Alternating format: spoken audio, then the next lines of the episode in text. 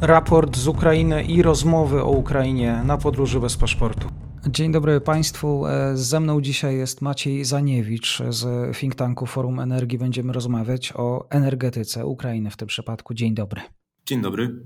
W związku z rosyjskimi ostrzałami wyłączono bloki energetyczne w trzech elektrowniach atomowych na Ukrainie, Rówieńskiej, Południowo-Ukraińskiej i Chmielnickiej. Tak jeszcze wczoraj e, informował koncern Energoatom. E, jak właściwie dzisiaj e, wygląda to bezpieczeństwo? My ostatnio rozmawialiśmy i powiedzmy chyba ta tragiczna środa zmieniła sporo w tej układance energetycznej.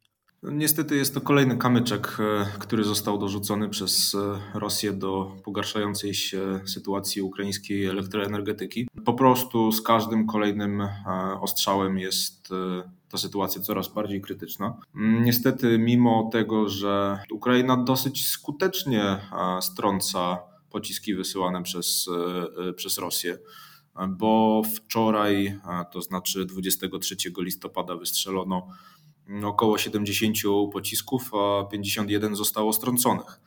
Natomiast mimo to nawet te 20 czy kilkanaście czasem pocisków, które trafia w infrastrukturę, no, sieje duże spustoszenie. Tak jak wspomniałeś, konieczne było po raz pierwszy wyłączenie, praktycznie wypięcie całej energetyki jądrowej w Ukrainie.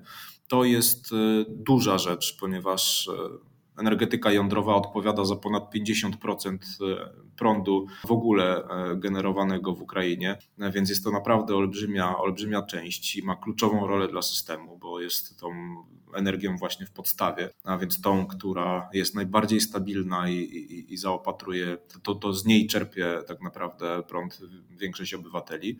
W związku z czym e, no to jest duża rzecz, a było to rezultatem tego, że kolejne stacje elektroenergetyczne głównie zostały e, zbombardowane i po prostu było niemożliwe rozesłanie, krótko mówiąc, tej energii po całym kraju.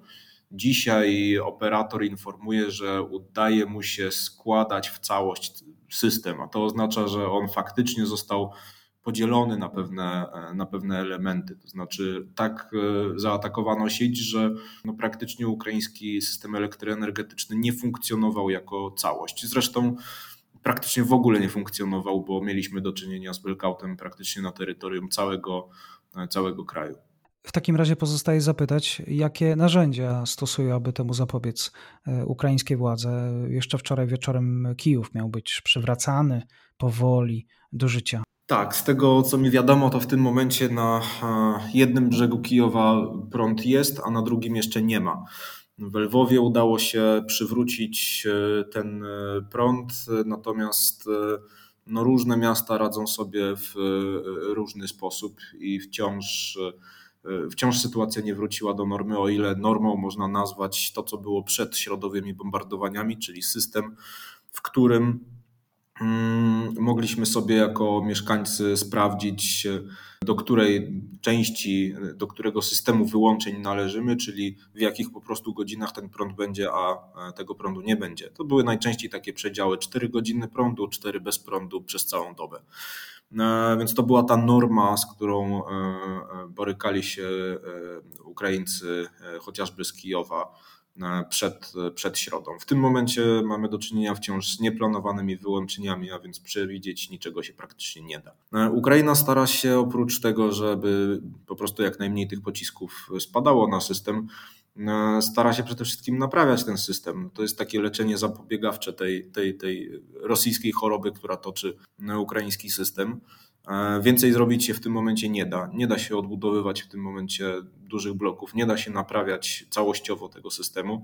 W momencie, gdy za chwilę e, pociski znów na, na ten system spadają. Dochodzi do takich sytuacji, że agenci, którzy są na miejscu w Ukrainie, po prostu przekazują Moskwie informacje na temat tego, która stacja została już odbudowana, żeby Rosjanie po prostu mogli ją ponownie zbombardować. A więc jest to na pewno praca niebezpieczna takich ekip y, remontowych y, i też y, zapewne bardzo frustrująca, gdy naprawiamy na przykład siódmy raz dokładnie ten sam obiekt, bo zdarzało się tak, że niektóre z tych obiektów były bombardowane kilkakrotnie, nawet sześcio-siedmiokrotnie.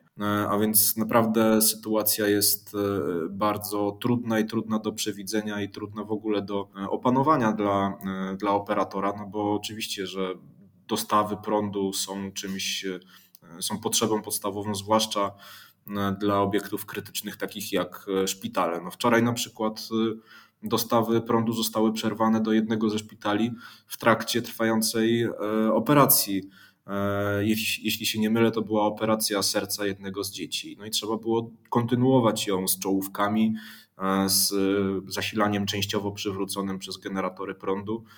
E, I w tym momencie właśnie to jest trzeci sposób radzenia sobie z tą sytuacją, czyli coraz bardziej powszechne wykorzystywanie generatorów, generatorów prądu. Tylko w listopadzie e, przywieziono e, około 130 tysięcy generatorów e, prądu do Ukrainy. No to są olbrzymie, olbrzymie liczby. I niestety tak to bardzo często wygląda. A oprócz tego, właśnie z wykorzystaniem tych generatorów, Ukraina stworzyła takie centra niezłomności, to się nazywa. To jest 4000, ponad 4000 punktów w całym kraju w których można podładować telefon, można odpocząć, można przede wszystkim zagrzać się w momencie, gdy tych dostaw prądu nie ma na przykład całe miasto bądź jakaś dzielnica. I są to usługi świadczone bezpłatnie dla wszystkich potrzebujących. Można po prostu przyjść, zagrzać się, napić coś ciepłego, czegoś ciepłego, podładować telefon, no bo no, oczywistym jest, że w takich sytuacjach, zwłaszcza no, ten kontakt jest kluczowy, żeby chociażby połączyć się ze swoją rodziną.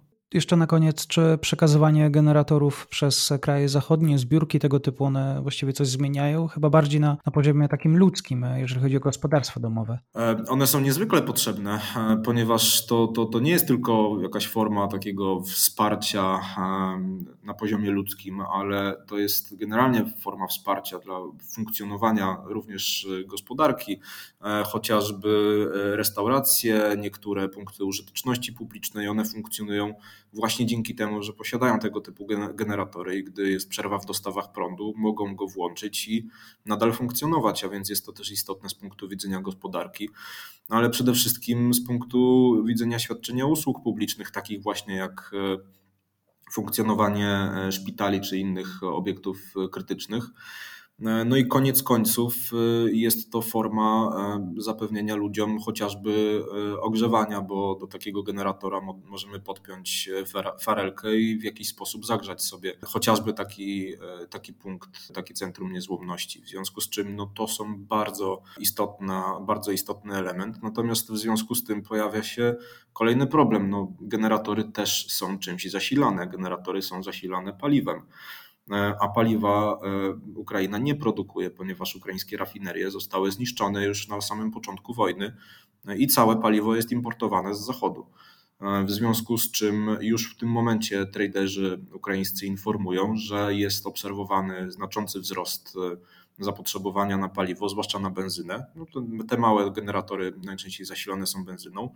W związku z czym no, mogę sobie wyobrazić taką sytuację, że jak teraz wejdą jeszcze niebawem wejdzie e, w życie embargo na rosyjskie produkty ropopochodne e, i tego paliwa będzie mniej również w Unii Europejskiej, no to mogą się pojawić deficyty paliwa e, w Ukrainie i będziemy mieli podwójny problem, bo nie tylko nie będzie prądu sieciowego, ale również będzie problem z po prostu zaopatrzeniem w paliwo generatorów. Tak jest. Maciej Zaniewicz dzisiaj w komentarzu na temat sytuacji energetycznej u naszych sąsiadów. Bardzo dziękuję.